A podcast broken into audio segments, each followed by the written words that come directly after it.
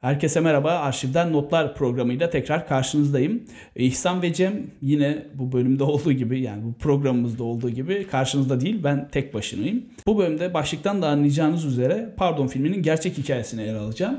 Ee, ilginç bir olaydan ortaya çıkan çok tuhaf soruşturma isimli tiyatro oyununun 2005 yılında sinema perdesine aktarılmasıyla çok güzel bir film ortaya çıkmıştı. Ben defalarca izledim. Hani defalarca izleyen çok kişi tanıyorum. Hem eğlenceli hem dramatik hem hüzünlü hem bir yandan komik bir hikayesi olan bir film. Aslında gerçek bir hikayeye dayanıyor. Ee, kahramanımız adı Nevzat Pak. 1979 yılında askere gidiyor Nevzat Pak. Dağıtımı da Siirt'e çıkıyor.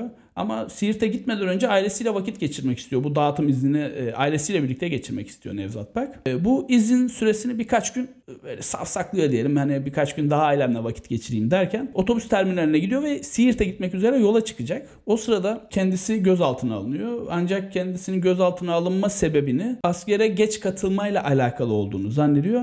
Ancak karşısına çıkan suç yasa dışı bir örgüt için gasp ve soygun yapmak olarak karşısına çıkıyor. Pak suçlamaları öncelikle reddediyor. İnandıramıyor kimseyi. Hani filmde de olduğu gibi yapmadığını söylüyor ama kimseye inandıramıyor. Yoğun işkenceler görüyor. 3 gün boyunca işkence görüyor. 3 günün sonunda da işkencelere dayanamayarak ben bu iş suçları işledim diyor. Hani filmde de e, yani izlemeyenler için spoiler olacak ama hani filmde de Aydın'ın e, yoğun işkenceler sonucu hani ben bu olayı yaptım demesi gibi e, Nevzat Pak da olayı işlediğini itiraf ediyor tırnak içinde itiraf ediyor. Hatta işkence sırasında unutamadığı bir anıyı da verdiği röportajda dile getiriyor. İşkence sırasında kendisine bir değnek seçmesini istemişler. Hani dolaptan git bir değnek seç demişler Nevzat Pak'a. O da gidip en incesini seçmiş ki çabuk kırılır da hani işkence çabuk biter ayağına.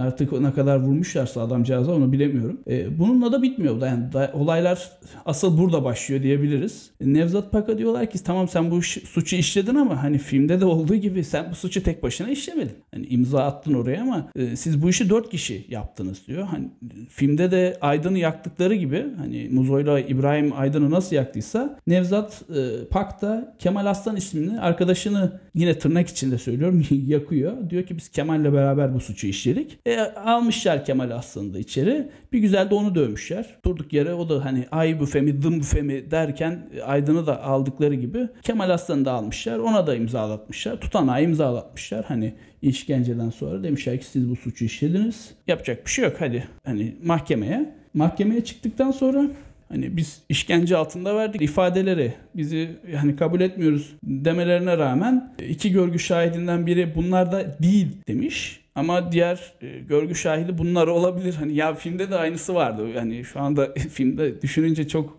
e, komiğine gidiyor insanın ama hani gerçek olunca ayrı bir dramatik. Bunlar olabilir dediği için 24 yıl cezaya çarptırılıyor Nevzat Pak. Cezaevi macerası da böylelikle başlamış oluyor. Ankara, Amasya, Tekirdağ, Niğde, Bolu son durakta Kayseri cezaevine kadar 7 ee, yıl 9 ay 25 gün boyunca hapis yatıyor. 1987'nin Mart ayında cezaevi müdürü Pak'ı çağırıp filmde de olduğu gibi Maalesef.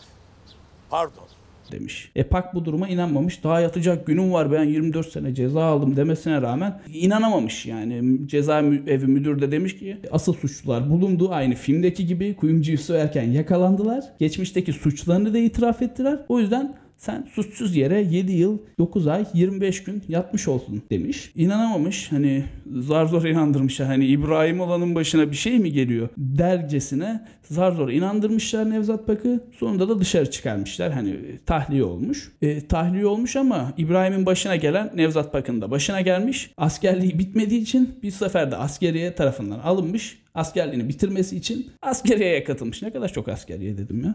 E, askeriyeye katılmış. Ayrıca e, bir de burada cezaevinde yatmak zorunda kalmış. Askerliği de bittikten sonra tam 9 yıl sonunda özgürlüğüne kavuşabilmiş. Yani tam olarak özgürlüğüne kavuşabilmiş Nevzat Pak. Beraat ettikten sonra o zamanın parasıyla 745 TL maddi 5000 TL'de manevi tazminat davası açmış. Bu süreçte dönemin Adalet Bakanı Oltan Sungurlu'nun yardımıyla bir işe girmiş. E, ahime dava açalım falan demişler ama Nevzat Pak çok üstüne durmamış. Bir iş verdiler onu da elimden alırlar sonra. Korkusuyla mı artık tedirginliğiyle mi diyeyim dava açmak istememiş. Ancak hikayesi e, 1997 yılında e, bir gazetede çıkınca Ferhan Şensoy'da e, haberi görünce oturup bir senaryo yazma ihtiyacı duymuş. Yıllar sonra bu ikili hani Ferhan Şensoy ve Nevzat Pak bir araya gelmişler. Görüşmüşler hani tanışmışlar. Bu Pardon'un hikayesi ortaya konulmuş. Sonuç olarak 7 yıl 9 ay 25 gün içeride kalmış ve kendisine pardon denmiş. Adalet dediğiniz o kadar da adil bir şey değil demek.